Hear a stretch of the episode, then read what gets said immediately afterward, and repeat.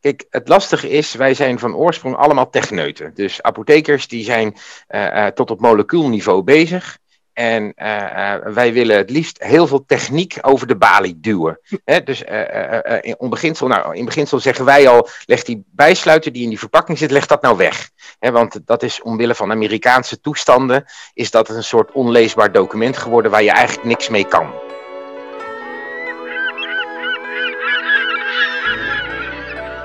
Zo, daar zijn we weer. Na een zomer dat we er even niet waren. Uh, en Paula is er ook. Hoi Paula. Ja, hallo. Een zinderende lange zomer. Het was een heerlijke lange zomer. En Sanne die is er nog even niet, maar die is er volgende keer wel weer bij. Uh, maar die horen we straks wel. Ik ga we straks nog even uitleggen hoe dat allemaal zit. Maar daar zijn we weer met De Zwerm, met onze podcast. Wat bedoel je? Hoe leuk. Yes. Ja, ik heb ook echt super veel zin in lekker weer helemaal opgeladen in die zomer. Eindelijk hadden we weer een beetje een soort vakantiezomer. Dat vond ik toch wel lekker, vond ik zelf. Ja, heerlijk, ja. Jij bent weg geweest? Ja, ik ben weg geweest. En, en, en wat ik me dan altijd afvraag is, in hoeverre kan ik mijn werk loslaten? Ja. want ik zie eigenlijk overal... In in hoeverre kon je dat? ik zie overal werk liggen voor het oprapen. Um, nou, het is met name die, die, die, die heldere taalbril, die kan ik maar moeilijk loslaten. Het lijkt wel alsof hè, als je daar eenmaal mee bezig bent, en, en dat hoor ik van heel veel mensen terug die hiermee bezig zijn, als je daar eenmaal je ogen voor open hebt gezet, dan, dan valt van alles je op. En zo ben ik dus naar Spanje gegaan in juli. En ik ben echt een halve dag bezig geweest met allemaal kleine lettertjes op allerlei verschillende websites om uit te zoeken wat ik nu nodig had om dat vliegtuig in te kunnen stappen.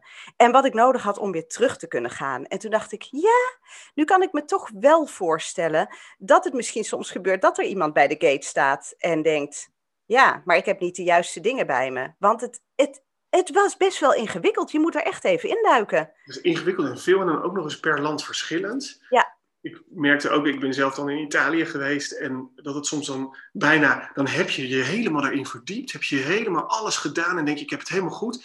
En dat ik het bijna een soort teleurstelling vond dat niemand ernaar had gevraagd. Oh ja, dat had ik ook. ik, heb mijn test niet hoeven laten zien. Zo'n yes-moment toen ik eindelijk ergens was. Dat was bij een marktje in Italië waar ze dan naar die QR-code vroegen. Toen dacht ik, oh yes, ik kan hem nou gewoon oh, ja. gebruiken en laten zien. En ook, ik heb alles bij me en goed. Ja, een beetje raar natuurlijk. Maar ik dacht van, ja, weet je, dan, dan inderdaad heb je er zo in verdiept. Heb je ook door hoe ingewikkeld het allemaal is. En dat was het ook. Maar goed, uiteindelijk heb ik natuurlijk hartstikke genoten van de vakantie. Um, ja. Ja, ik, dus ik was een beetje teleurgesteld dus. Hè? Ik, weet, je wat, weet, je wat, ik kreeg bij het vliegtuig? Nou. op de terugweg naar Nederland? Een roze, een roze rond stickertje op mijn paspoort. En toen dacht ik, oh, maar is dit het? Dit is het gewoon. bewijs dat je aan al die regeltjes had voldaan of zo. Ja, terwijl ze het niet hadden gecheckt. Maar ik moest even langs iemand en ik kreeg een roze stickertje en ik mocht doorlopen. Oh ja. Dus dat was ook een soort van anticlimax. Ja, dit, hadden we natuurlijk, dit hadden we natuurlijk nooit zo in de openbaarheid. Want nu gaat iedereen een roze stickertje kopen. En ja, porten naar Schiphol met een stickervelletje met roze, roze plakkertjes. Dus dit heeft u niet gehoord, uh, luisteraar. Nee. Ja, ik, ik, was in Italië. Wat grappig was, wij kregen daar uh, van de gemeente... Um, kregen we een... Uh, een brochure, omdat ze daar uh, het vel nu echt verplicht gescheiden gaan inzamelen in Italië, uh, in het dorpje oh. waar we zaten. Uh, er komen vier bakken voor vier verschillende soorten huisvel. Um, en die zijn ook op slot, dus je, je krijgt ook zo'n pasje om dat open te kunnen doen. En anders kan je er dus geen, geen vel in doen. En dan wordt ook helemaal geregistreerd, hartstikke goed. Wat ik zo mooi vond, uh, nou spreek ik redelijk Italiaans, maar dat soort woorden over huisvel, ja, die, die gaan toch wel een beetje ver. Uh, die ook voor mij in het vocabulaire. Ja. Ik weet altijd heel veel van eten en drinken in het Italiaans. maar, nee, maar, dus, maar het was zo mooi. Ik kreeg een soort uitklapfolder en, er was, en toen moest ik heel erg denken aan ons eerdere gesprek wat we hebben gehad met de ervaringsdeskundige van Movisie. Mm -hmm. Die mhm. zei van werk met kleurtjes, met heldere alinea's, met dingen die iedereen herkent. En daar was inderdaad, en dat vond ik zo knap, een goed bedacht, vier kleuren. Elke bak had een eigen kleur. Die bak krijgt ook straks die kleur. Die, die folder was ook alles in die kleur. Dus als je dan. Ah. De rode bak is voor mij nu heel duidelijk. Dat gaat over deze dingen. Er stonden hele goede plaatjes bij. Achteraf hoorde ik ook dat die echt tot in hun treuren waren getest in heel Italië. Dit is inderdaad een plaatje wat mensen herkennen voor dat soort afval en dat soort afval. Dus, maar ja, ik merkte dus ook meteen wat jij net zegt. Ik kan die bril dus in de vakantie ook niet afzetten. Want ik, ik krijg een folder en ik ga dus helemaal niet de informatie tot me nemen. Maar ik ga helemaal zitten uitpluizen hoe helder is die folder. Maar goed. We zijn een beetje gek. Een beetje, een beetje beroepsinformatie. Hè? Maar wel, deze podcast ja. zijn, zijn begonnen. En een ander ding wat ik meemaakte was, um, ik moest uh, deze keer uh, door omstandigheden best wel veel medicijnen ook meenemen voor mezelf uh, op vakantie. En dan krijg je opeens te maken met dat je dat officieel moet laten registreren, want je kan niet zomaar de grenzen over met bepaalde medicijnen. Ja. dus ik, um, ik bestelde bij de huisarts die medicijnen en toen was het de assistent, en dat vond ik zo goed, die mij daarop wees. Die zei van, meneer, gaat u toevallig op vakantie? Want weet u dan dat u met zo'n formulier en dat u dat officieel moet registreren bij het Centraal Administratiekantoor? Nou, wist ik allemaal niet. Hartstikke goed dat zij dat zei. Dus uh, als ze luistert, complimenten voor de assistenten van mijn eigen huisarts. Hmm. Uh, maar toen zei ze nog iets. Toen zei ze, dat formulier is zo ingewikkeld, meneer. Ik ga het gewoon voor u invullen. U krijgt de ingevulde van mij. Hoeft u alleen nog maar uw handtekening erop te zetten.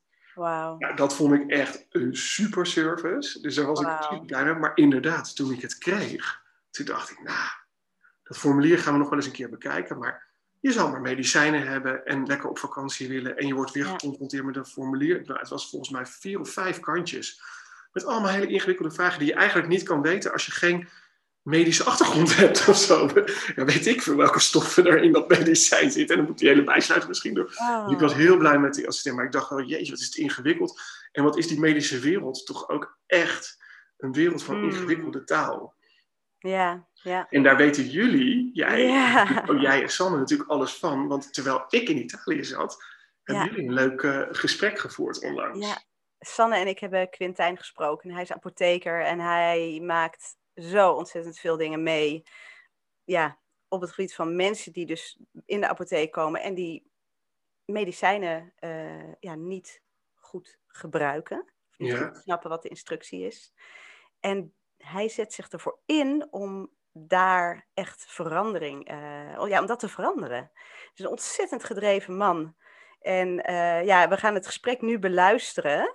Um, ik denk dat er heel veel herkenning in zit voor mensen, voor, veel, voor iedereen die wel eens in een apotheek is geweest en wel eens een medicijn nodig heeft gehad. Ja, ik ben super benieuwd. Laten we gaan luisteren. Yes.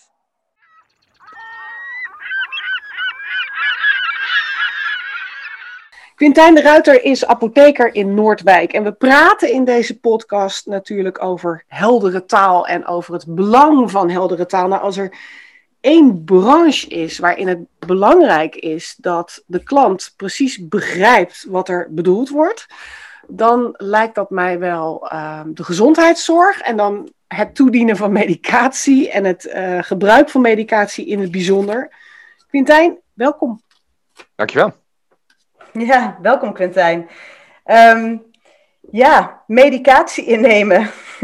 Gaat dat altijd goed? Hoe zit dat eigenlijk? Nee, vertel. nee, nou, het is wel leuk om gelijk aan te sluiten op de introductie, omdat uh, uh, je moet eigenlijk weten dat ongeveer maar uh, 60% van de medicijnen die wij verstrekken aan de balie op de juiste manier gebruikt wordt. En wow. dat betekent dus 40% van de medicijnen niet. Uh, een deel daarvan komt omdat mensen het misschien niet begrijpen. Een deel daarvan komt ook vooral omdat mensen bijwerkingen ervaren en denken: ja, weet je, ik neem het gewoon niet. Het is wel goed. Maar um, het is wel goed van ons om uh, in te zoomen op die 40%. Want die 40%, daar valt voor ons de wereld te winnen. Ja, dat is een enorm hoog percentage. Hè? Ik schrik daar ook echt wel van. 40%. Ja, het is um, lastig, hè? Geneesmiddelen zijn lastige dingen. Dus het, ja. kijk, laten we vooropstellen, het is goed dat ze er zijn. Um, maar het blijven hele ingewikkelde dingen waarvan we zeg maar, het gewenste effect hebben uh, uh, uh, benoemd als het effect. En de minder gewenste effecten noemen we bijwerkingen. En die bijwerkingen zijn, nou ja, die zijn altijd reëel. Daar moeten we, kijk, wij hebben een stofje dat vindt zijn weg in het lichaam, doet in jouw longen iets wat we wel willen en in jouw grote teen iets wat wij niet willen. Ja, um, hoe gaan we dat molecuul uitleggen? Dat kunnen we niet. Dus nee. dat is het allermoeilijkste. Dus um, daar zit altijd een verband tussen. Dus hè, bij heel veel effect zie je ook veelal wat meer bijwerkingen.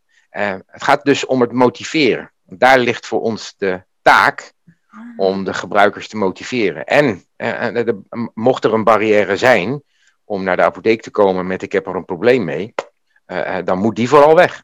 Ja, want dus als we inzoomen op die 40%, wat voor dingen gaan er dan precies mis? Je noemt nu één ding over uh, bijwer- je zegt motiveren. En dat koppel je aan bijwerkingen. Dus mensen die bijwerkingen ervaren, die stoppen misschien met medicijnen. Is dat een van de verkeerde gebruiken van medicijnen? Nou ja, dat zou bijvoorbeeld kunnen. Noem maar een heel eenvoudig middel als een cholesterolverlager. Daarvan, je, eh, kijk, je merkt er niks van. Je bent per ongeluk ergens bij een dokter aangeland en die heeft bloed geprikt en die zegt, ja, dat is veel te hoog. Daar merk je niks van. Uh, je leest er wat over, je weet van hoe en wat. En dan krijg je voor de eerste twee of vier weken krijg je medicijnen mee. En dan denk je, nou, dat ga je dan trouw innemen. En nou is er een groep van die medicijnen, zeg maar, die, dat noemen we de statines. Die heeft bijvoorbeeld, die kan een nachtelijke spierkrampen geven in de benen. Ja. Dus, uh, en dat is een best vaak optredende bijwerking. Um, maar zou je het zelf doen op het moment dat je er last van hebt? Dus ja. ga je het trouw iedere nacht innemen op het moment dat je er daadwerkelijk spierkrampen van krijgt, waar je misschien wel wakker van wordt. Of hele onrustige probleem, benen. Terwijl je van het probleem uh, niets merkte. Van die, dat verhoogd cholesterol had je geen last. En nou, niets anders dan dat er een... wel kramp in je been, ja. Ja, dus wat ga je doen? Is dan, nou, oké, dan wil ik die dokter tegemoet komen. Dus dan doe ik één nacht doe ik dat. En dan gaat er op een gegeven moment gaat er de hele psychologie het ook meedoen. Hè? Dus dan ga je al niet slapen, want je verwacht straks bijwerkingen. En de volgende dag die sla je dan gewoon weer over. Want ja, dan wil je ook wel weer nacht lekker slapen. Dus hoe ga je dat dan doen? Want, want hoe gaat dat nu? Nu staat er waarschijnlijk in een, in een, als ik een doosje krijg, staat daar dat ik hem elke avond moet innemen. Ja. En er zit een bijsluiter bij met kleine lettertjes. En er staan bijwerkingen en er staan spierkrampen bij. En dan, dat is het dan. En dan ja, wat zou dan, je zelf doen? Ja, ik, ik zou het dan waarschijnlijk inderdaad. ja, uh, ondanks dat ik lees dat het moet, is er best een kans dat ik zou denken: nou ja, weet je, ik zoek het zelf wel uit. Want ik wil niet iedere nacht slecht slapen. Dat zou kunnen, inderdaad. Ik, ik, ja, maar, maar hoe gaan jullie daar dan mee om? Wat doe je dan in de apotheek? Hoe, wat, welke invloed kun jij uitoefenen op mensen die dit dus niet. Wij, om, even om dit voorbeeld rond te maken, want uiteindelijk zoeken we naar een rond verhaal. Is, um, uh, wij, wij geven mensen voor de eerste twee weken mee. Mm -hmm. Met daarbij in het begin de opmerking dat dit een bijwerking is die regelmatig optreedt. Um, ik wil graag weten in die twee weken, hebben mensen daar last van? En als mensen daar dan last van hebben, is het een, uh, is het een zodanige last dat mensen het, het uh, afremt zeg maar, in het verdere gebruik. Dus wordt het een belasting om het verder te gaan gebruiken. En um, ik wil heel graag die mensen terug hebben. Hè? Dus die, die, ik wil weten van hoe zit dat? Uh, ja. En dan kunnen we er iets mee kunnen we dat bijvoorbeeld verplaatsen. Hè? Kijk, je moet weten, we, doe maar voor de nacht uh, innemen. Dat is dan het, dat is het algemeen advies. Waarom? Omdat in de nacht namelijk de meeste cholesterol gevormd wordt. Dus op het moment dat dan die spiegels relatief hoog zijn, dan heb je dus minder kans op het vormen van de cholesterol. Dat is technisch, klopt dat helemaal? Maar ja, als het die vervelende bijwerking geeft, waarom doen we het dan niet 's ochtends bijvoorbeeld? Want ja. als je overdag in beweging bent, heb je veel minder last mogelijkerwijs van die spierkrampen. Nou, dat zou een oplossing kunnen zijn. Blijft het dan nog zo? Hè, maar dat stellen we dan na twee weken vast. Dan doen we weer twee weken om te kijken of dat een oplossing is. Dat leggen we ook overal vast, zodat iedereen dat weet. En dan gaan we kijken, kunnen we dat wel doen? Want dit is bijvoorbeeld zo'n medicijn waarvan je, uh, daar moet je echt motivatie voor hebben, omdat het effect pas op langere termijn uh, zichtbaar is. Ja, dus ja. ga je dat in het beginstuk niet doen, en dus ga je daar geen aandacht voor geven, ja, dan belandt zoiets in het keukenkastje. En die motivatie die bereik je door het maar voor, twee, voor een kort, relatief korte periode voor te schrijven. Om dus op die manier mensen weer terug te krijgen naar de apotheek. Door weer met ze in gesprek te uh, gaan en met ze in gesprek te blijven. Dus dat gesprek is denk ik heel belangrijk in de motivatie en in het juiste gebruik van de medicatie. Nou ja, en die twee weken is om te voorkomen, zeg maar, dat als we voor drie maanden meegeven, dat we dan weer voor drie maanden min twee weken weg moeten gooien. Ja, ja, dat ja, is eigenlijk ja. niet, want dat zou een verkwisting in zich dragen, die zon, dat is gewoon zonde. Maar goed, nu, dit, nu hebben we het over het verschijnsel waarbij uh, de bijwerkingen een rol spelen. Hè? En, en dat, dat hoort natuurlijk ook bij uh, goed uitleggen en goed communiceren over de gevolgen van het innemen van een medicijn. Heb je nou enig idee bij die, bij die 40 procent uh, waarbij het dus misgaat en waarbij medicatie niet juist wordt ingenomen? Hoe vaak het een rol speelt dat mensen niet begrijpen wat er bijvoorbeeld op het etiket staat of eh, niet begrijpen wat er in die bijsluiter zit. Ik moet je heel eerlijk zeggen, ehm, we krijgen tegenwoordig een soort extra bijsluiter. Nou, voor mij, ik ben zo kippig als een kip. Dus heel vaak, ja, als een ja, en klik en door. Ik ben behoorlijk kippig. Uh, dus voor mij helpt het al enorm dat ik tegenwoordig een, een soort bijsluiter met grote letters krijg. Bij ieder medicijn krijg ik nu minstens één, maar soms wel twee of drie A4'tjes met een grotere letter uh, uitgelegd. Um, uh, wat dat medicijn doet en wat de bijwerkingen zijn. het is nog steeds een enorme labtekst. Um, en, en eigenlijk gaat hij bij mij on, ongelezen weg. Ik, ik heb het geluk dat ik meestal hele simpele uh, dingen kom halen, een zalfje of whatever. Uh, maar hoe, hoe vaak komt het nou voor, denk jij, dat mensen echt niet begrijpen wat er op dat etiket staat of wat er in die bijsluiter staat?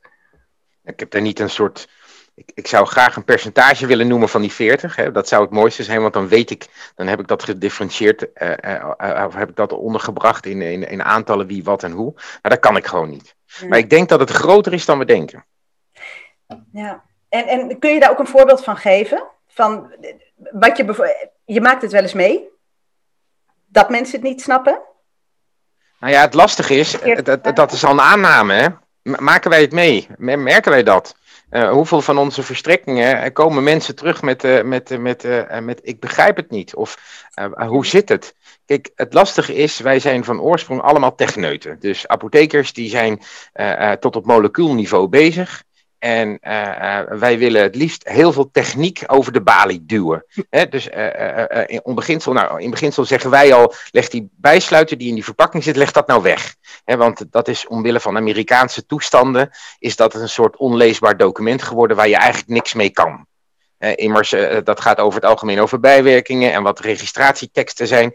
Maar voor bijwerkingen geldt als het in Amerika niet in die bijsluiter staat, ja, Weet je, dan, uh, dan, dan ben je als uh, fabrikant ben je aansprakelijk te stellen. Ja. En, en dat gaat om veel geld. Uh, ja. Dus wij hebben daar al een versimpelde andere bijsluiter van gemaakt. Hè? Die, die drie kantjes waar jij dan naar verwijst, die je ook niet leest. Um, dat is de bedoeling dat we daarvan een op maat gemaakt document hebben. Dat als mensen daar vragen hebben, dat ze eerst daarin gaan lezen. Maar het betekent voor eenvoudige dingen dat de boodschap die wij communiceren aan de balie of aan de telefoon of via de, uh, noem het, via videobellen, uh, uh, dat is belangrijk. en wij moeten dus voorkomen, zeg maar, dat is eigenlijk meer gesprekstechnieken die we doen. Wij moeten, yeah. wij moeten iets vertellen, wij moeten vooral terugvragen. Wat zijn de vragen? Hebben we nu geen vragen? Dan kunnen we altijd over die vragen al op een ander moment praten. Maar daar gebeurt het belangrijkste. En is dat iets dat al ingebakken zit in de werkwijze van een apotheek? Of is dat nieuw? Nou ja, nooit, genoeg, nooit genoeg. Nooit genoeg. Het liefst zou je zeg maar voor iedereen de tijd uh, uh, hebben en maken om daar gewoon uitgebreid op in te gaan. Uh, het is ook zo dat een aantal mensen dat gewoon niet wil. Hè? als je dat op een behoeftegerichte manier doet, is wie wil dat nu? Kijk, als je dat eerst vraagt, heeft u daar belangstelling voor, dan kunnen we daar iets mee, want dan is er een vraag. Maar heel veel mensen komen gewoon doosje halen. Die denken succes, hup, en weg. Ja. Maar daar zit een aanname in. Want die mensen denken dat ze het allemaal op de juiste manier doen. Maar de vraag is, op het moment dat je snel even tussen je werk en kinderen halen van school even langs de apotheek wil, waarvan de perceptie altijd al is dat je daar lang moet wachten. En dan begint ook nog zo'n apotheker tegen je aan te praten. Ja, dat is lastig. Dus ja. ik moet eerst verantwoording vragen voor mag ik dat uitleggen of toelichten. En uh, uh, bij de snelle, uh, de, de, de snelle halers, ja, die willen dat niet. Terwijl er altijd ook weer de wereld te winnen valt. Want het gebruik is één tot twee keer per dag die crème van jou aanbrengen, Sanne. Oké, okay, ja. dan zeg ik tegen jou van, goh, maar weet jij dan wat je moet doen? Um, ja, dan uh, moet ik uh, die crème aanbrengen twee keer per dag. Ja, en als er, als er staat één tot twee keer per dag. Wat doe je er dan mee? Ik denk naar behoefte dan, als het minder wordt één keer. En dan wordt het al vaag, hè? Ja. Dan wordt het al heel vaag. Dus wat je wil. Wat, dus, uh, uh, als maar kan jij er dan niet opschrijven, Quintijn? Kan jij dan niet op dat doosje schrijven: smeer 's ochtends en smeer 's avonds? Nou, ik kan het nog veel makkelijker maken. Hè? Dat is het antwoord. Gewoon twee keer per dag. En op het moment dat het weg is, zou ik nog drie tot vijf dagen één keer per dag doorsmeren. Omdat het soms zo klein ja. is, hè, die huidirritatie, dat ja. we te vroeg stoppen. Dat is het meest voorkomende risico bij de crèmes. Dus die twee keer, hè, s ochtends en s avonds aanbrengen. Dat is, uh, dat is de gangbare tekst met de opmerking dat als het weg is, smeer rustig nog drie tot vijf dagen door, om er zeker van te zijn dat het weg is. Ja. En dit past niet op een etiket natuurlijk. Wat je, hiervoor heb je dus eigenlijk echt dat gesprek nodig. Grotere doosjes. Mensen, grotere doosjes kan ook. Maar nog meer papier. Nog meer papier. En de meeste mensen zeggen inderdaad van zo'n gesprek, ik kijk ook naar mezelf. Ik zeg dan nee hoor, ik weet wel hoe het moet. En ik ben weg. Want inderdaad, ik doe het even snel tussendoor en het duurt altijd al zo lang. Nou ja, kijk, dus wij moeten. eh, Kijk, wij hebben een winkeltje wat niet zo heel erg aantrekkelijk is, hè, zal ik maar zeggen. Dus uh, wij hebben niet hele leuke dingen die je heel graag wil, of hele mooie dingen die je ook heel graag wil. Dus wat wij hebben is eigenlijk een soort noodzakelijk kwaad. en wij moeten proberen om dat noodzakelijk kwaad eigenlijk aantrekkelijk te maken. Dat is waar het op neerkomt. En dat moeten we dus op een hele simpele manier doen. Uh, uh, zodanig dat we hoge, hoge technische details vertalen in wat betekent dat nou voor jou in de praktijk. Je zei net iets interessants. Je noemde net gesprekstechnieken. Um, wat, wat kun jij daarmee als, als apotheek? Je hebt meerdere apotheken, je hebt veel personeel. zij staan eigenlijk dag in dag uit in contact met, met die klant, die misschien dus, en die kans is vrij groot, naar huis gaat met een product uh, dat hij niet goed gaat gebruiken. Uh, want ja, 40%, dat is toch uh, een heleboel. Hoe, hoe praat je daarover binnen, je, binnen jouw toko? Wat, hoe gaat het gesprek daarover nu? Nou, het lastige is om in de vaart of in de drukte van de dag, zeg maar, daar de tijd voor te nemen. En wat ik doe telkens weer, hè, ik ga het vanavond ook weer doen, telkens weer is ik wil dat iedereen een succesverhaal maakt. Dus ik uh, wil, uh, en dat maken we ook onderdeel van een, een soort uh, ontwikkelingscyclus, hè, die we met elke medewerker elk jaar als, als bespreking voeren. Ik wil een aantal mensen hebben waarvan zij het gevoel hebben dat ze daar echt zorg hebben verleend. En dan wil ik namelijk in woorden van hen terugkrijgen, is wat heb je dan gedaan in die situatie waarbij jij het gevoel kreeg dat het aankwam? Want als wij aan de balie namelijk het gevoel hebben dat zoiets goed aankomt, dan weet ik zeker dat het goed gebruikt wordt. Maar laat dat nou alsjeblieft de krent uit de pap zijn waar we mee aan de gang gaan en zorgen dat dat straks meer een regel dan uitzondering wordt. Juist. En dat dus... betekent zeg maar heel praktisch gezien voor onze medewerkers dat dat telkens terugkomt. Dus ik laat het telkens opnieuw de revue passeren. Want dat is wel iets dat speelt, hè? Je bent er niet met één keer uh, het onderwerp op de agenda zetten, denk ik. Nee, in het geheel niet. En ik bedoel, uh, de aanleiding van dit verhaal was de lage letterdheid. En dat was voor mij, zeg maar, weer een aanleiding om daar weer extra op in te zoomen.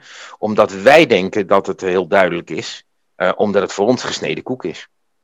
Maar dat hoeft voor de ontvangende partij helemaal niet zo te zijn. Dat moeten we eerst navragen. Ja, ja zoals drie keer per dag dit medicijn innemen, bijvoorbeeld. Ja, Weet je, dat is heel gek om te denken dat sommige mensen daarbij denken: Nou, ik neem s ochtends als ik wakker word, neem ik er één. Ik neem er om tien uur één en om elf uur. is ook drie keer per dag. Ik heb het thuis voorgelegd, uh, Quintijn. Oh, en? Mijn zoon van tien, ja. die zei: Ja, dan zou ik er denk ik s ochtends, middags en s avonds één nemen bij het eten. Oké. Okay. Jongen, jij bent geslaagd. Nou ja, maar dat is dus de algemene perceptie, hè? dus dat is heel goed. En ik denk dat we daar ruimschoots die 60% mee dekken, zal ik maar zeggen.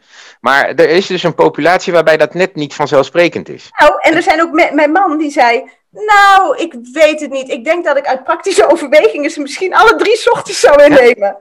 Is dat heel gek?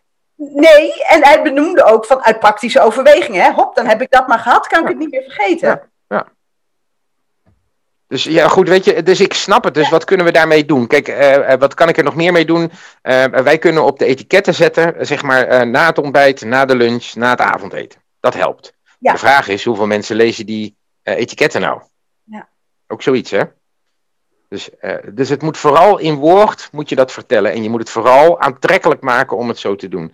Dus neem maar even antibiotica. Dat zijn dan de makkelijkste, zeg maar. Hè, die hebben we zelf ook wel eens. En dat is heel lastig om het dan drie keer per dag te doen. En wij geven aan, oké, doe dat dan na het ontbijt, na, het avond, na de lunch en na het avondeten. Waarom? Omdat als je dat op een volle maag inneemt, dat scheelt je enorm in de bijwerking. Kijk, antibiotica werken tegen bacteriën, dus ook tegen de goede bacteriën. En op het moment dat je niks in je maag hebt zitten, dan kunnen die uh, antibiotica kunnen je zeg maar misselijk maken. omdat het zijn werking doet op de goede bacteriën. Ja. Nou ja, en dat kan ook verderop in de darm. Hè? Dus daar ontstaat hala, de, de bijwerking diarree.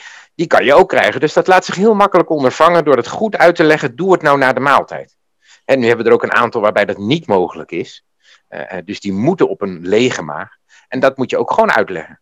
Want op een lege maag is dus de bijwerking uh, misselijkheid en of diarree. Weet dat die komt. Hè? De kans is groot dat die komt. Maar het is van belang om daarmee door te gaan. Omdat ergens anders in het lichaam, zeg maar, noem maar een willekeurige ontsteking in je huid bijvoorbeeld. Ja. Moet je, moet je tien dagen lang. Maken. Ja. Ja. Nou ja, afmaken is dus de sleutel tot succes, ook al heb je obstakels op de weg. Ja.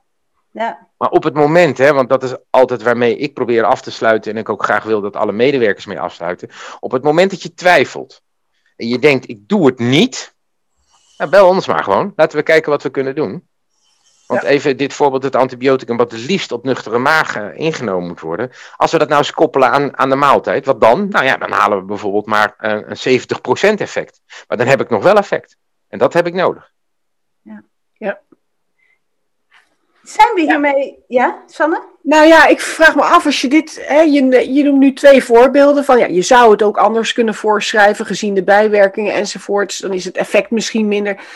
Dan denk ik, oh my goodness, wat een stapel werk wacht daar dan op, uh, hoe leggen we dit beter uit? Want hoeveel pillen en smeersels heb je wel niet in die winkel? Dat is... Ja, nee. Ja, eh, ongekend veel werk. Alleen het idee is, en dat maakt, dat moet, want kijk, dat is ons vak, hè. Dus wij hebben het altijd veel over de techniek, maar uiteindelijk is ons vak motivatie. Dus wij moeten mensen motiveren om die medicijnen te gebruiken. Dat klinkt een beetje gek, maar eigenlijk is het zo. En als iemand er lekker op gaat, nou prima, dan is het goed. ja.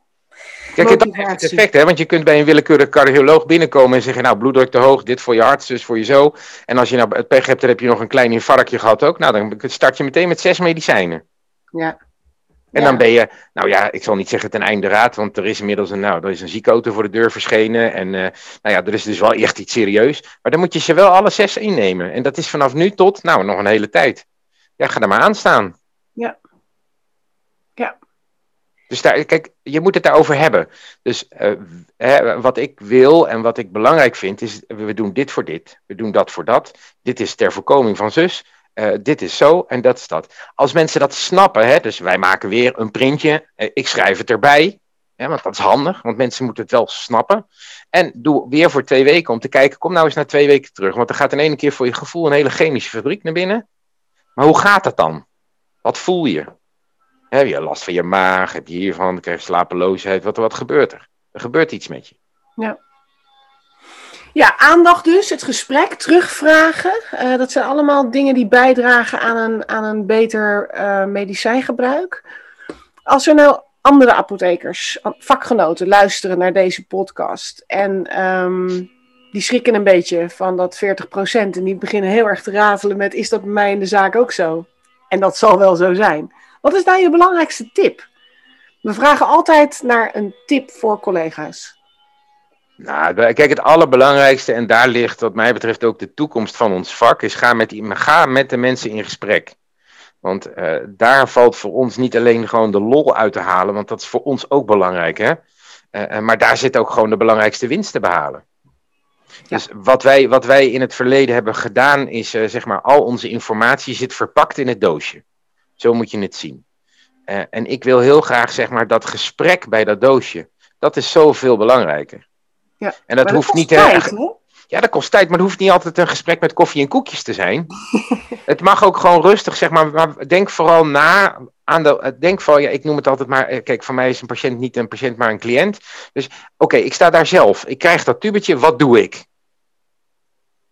Ja, het gebruik, hè, wat we standaard hebben bij verschillende crèmes, één tot twee keer per dag. Ja, dat laat toch, dat laat ruimte voor, uh, voor eigen interpretatie over. Haal ja. dat nou weg. Maak het nou praktisch. Beste cliënt, doe twee keer per dag dit, is het weg. Dan een paar dagen nog dit. En een paar moet je dan definiëren als drie, vier of vijf. Ja. Zo simpel is het.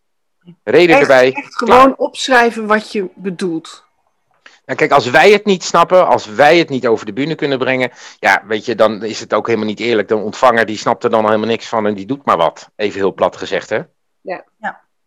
ja en ik vind, ik vind het ongelooflijk mooi hoe je zegt, hè, het zit hem echt in dat gesprek. Jullie zijn de motivators, jullie moeten motiveren om het medicijngebruik goed te doen. Hè? Mhm. En die haal ik tot slot ook nog even naar voren dat jij in de beoordelingscyclus, in de cyclus met je medewerkers, vraagt om succesverhalen. Want ik weet dat doordat je daarnaar vraagt bij mensen, zijn ze, hè, naar je, bij je medewerkers, zijn ze iedere dag bewust of, iets, of onbewust hè, bezig met het vinden van dat succesverhaal. En ik denk dat je daarmee ook tot een uh, succes gaat komen in dit uh, project, waar je, ja, project, proces waar je in zit. Nee, ik heb je in het eerste stadium verteld, zeg maar, dat mijn belangrijkste drijfveer is lol. Ik ben hier behoorlijk wat tijd van de dag en uh, we moeten het leuk maken. Ja. En, uh, ook, en we moeten ons realiseren dat het winkeltje uh, niet heel erg aantrekkelijk is. Toch moeten we het leuk maken. En hoe kunnen we het leuk maken? Nou, we kunnen het leuk maken door de juiste interactie aan te gaan met al onze gebruikers, onze cliënten. En zeggen van, als je het niet begrijpt, kom dan bij me terug. Laat het me weten. Ja. Het is niet opgedrongen, je moet jezelf er comfortabel bij voelen. Als dat niet zo is, dan doet het zijn ding niet. Dus ja, weet je, lol is belangrijk. Dus uh, ik hou er wel van als het een beetje uh, met een beetje tumult. Mag. Heb je ook zo'n bel hangen in de apotheek? Dat als er weer een succes is behaald, dat je dan even. Nee, en, nee ja, gezondheid, gezondheidszorg en succes is altijd wat lastiger. maar ik vind het wel belangrijk dat mensen, zeg maar. ik wil graag complimenten uitdelen aan mijn medewerkers. En ik wil graag zeg maar dat zij die zelf maken. Want in feite is het voor mij niet zo ingewikkeld als zij inzoomen op dat wat ze goed kunnen. En dat wat ze uh, uh, uh, voor, voor hun eigen gevoel hè, goed kunnen. En dat wat ze goed onder woorden kunnen brengen. Nou ja, dat is gewoon een compliment waard. Nou, wat is nou lekkerder dan een compliment? Ja. Ja, mag ik jou dan een compliment geven, Quintijn? Ja, nou, dankjewel. Ja hoor, dat mag altijd graag. Ik, ik vind het heel interessant waar je mee bezig bent en ook heel mooi dat je dit werk doet. En de manier waarop je het doet spreekt me ontzettend aan en daar wil ik je een enorm compliment voor geven. En ik denk dat je een inspirator bent voor veel uh, apothekers, voor veel andere apothekers. Dat, dat hoop ik in ieder geval. Hè? Dat, um, en dat, dat, dat gevoel heb ik absoluut. En, ik, um, en, en niet alleen voor apothekers. Want wat jij zegt, jij geeft tips en adviezen die voor voor iedereen bruikbaar zijn. Voor iedereen die contact heeft met een ander mens. Ja, nou ja, kijk, heel, het is niet zo ingewikkeld hoor. Het is niet zo ingewikkeld. Nee, nee. En toch maken we het altijd heel ingewikkeld. Nou, en een beetje plezier hebben. Ik denk dat dat misschien nog wel eens. Ik vind dat wel heel belangrijk dat je dat zegt. Plezier hebben in dat wat je doet. En je realiseren wat het nou zo fijn maakt wat je aan het doen bent. Dat is als je het gevoel hebt dat je echt iemand hebt geholpen. Dat je echt iemand uh, iets hebt kunnen uitleggen. Of dat je zorg op die manier voor je cliënt verbeterd hebt. Dat geeft je. Dat, dat is eigenlijk waarom je ooit het vak bent gaan doen. En als je dat dan nog eens met een beetje lol kan doen. Uh, in plaats van met allerlei verplichte nummertjes af, uh, afwerken. Nou, ik denk dat dat ook heel belangrijk is. Lol hebben in wat je doet. En dat ook zoeken eigenlijk opzoeken. Nou ja, dat heeft de positieve werksfeer. Hè? Ja. En een positieve werksfeer, dat brengt je allemaal weer verder. Dus dat is wat we doen. Niet meer en niet minder. Nou ja. uh, voor deze tips, voor het heldere verhaal. En voor jouw uh, uh, gemotiveerde verhaal vooral ook. Het is goed om te horen. En ik denk dat, ehm, nou, dat je hier best reacties op gaat krijgen. Want het is een. ja, ik denk dat je hier anderen mee kunt helpen. Nou, Dankjewel voor je bijdrage. Graag gedaan. Leuk. Wauw. Ik ja. dit wist ik helemaal niet van die successen en van die complimenten. En, en... Nou, maar dat is leuk. Dat is echt een ander soort. Uh, ja, het is een ander. Op een gegeven moment had ik zoiets van. Uh, hebben wij het niet normaal gesproken meer over tekst? Maar het is ook niet erg dat, er, dat, het, in een, dat het een keer niet zo over tekst gaat. Ja, het is wel grappig dat je dat zegt. Want ik, ik wilde nog ergens, dacht ik even van, oeh, nu moet ik heel even een, een soort van conclusie trekken van, hé, hey, we kunnen dus allemaal wel focussen op die tekst en op het herschrijven van allemaal documenten. Maar eigenlijk zeg jij dat in dat gesprek juist zoveel ja. zit. Hè? En toen, nou ja, dus, dus dat momentje vond ik niet. Maar ehm, eh, ik denk juist dat dat ook heel interessant is, want volgens mij, ehm, volgens mij is dit ook wat het is bij zijn vak. Ja. Want, als, want ik denk dat iemand het thuis ook niet meer gaat lezen als die in het. eh, eh, nee, als die, als die al niet graag wil lezen, gaat iemand thuis ook niet meer de moeite doen om het hele verhaal te lezen. Nee. En dan moet je ze dus al eerder eh, op de staart trappen. Ja. En Ja, precies. Dus de oplossing zit hem daar niet in beter schrijven. De oplossing zit hem Ja. daar in beter praten. Ja, Eh, wat ook communiceren is natuurlijk. Dus in die zin, ehm, ja, is, is, het, is, is onze podcasttekst met wat bedoel je? Ja, ehm, dat past wel heel goed. Maar dat, we, moeten, we zouden eigenlijk hè, ook mee ge- kunnen geven aan, aan vraag bij de apotheek ook eens vaker wat bedoel je? ja, dat is ook een mooie. Ja, Ja, ja. Ja, en- maar eigenlijk is ons vak motivatie. Ja. Dat vond ik wel de beste quote. ja te gek hè? Ja. Ja, Een apotheker verkoopt geen pillen, een apotheker verkoopt motivatie.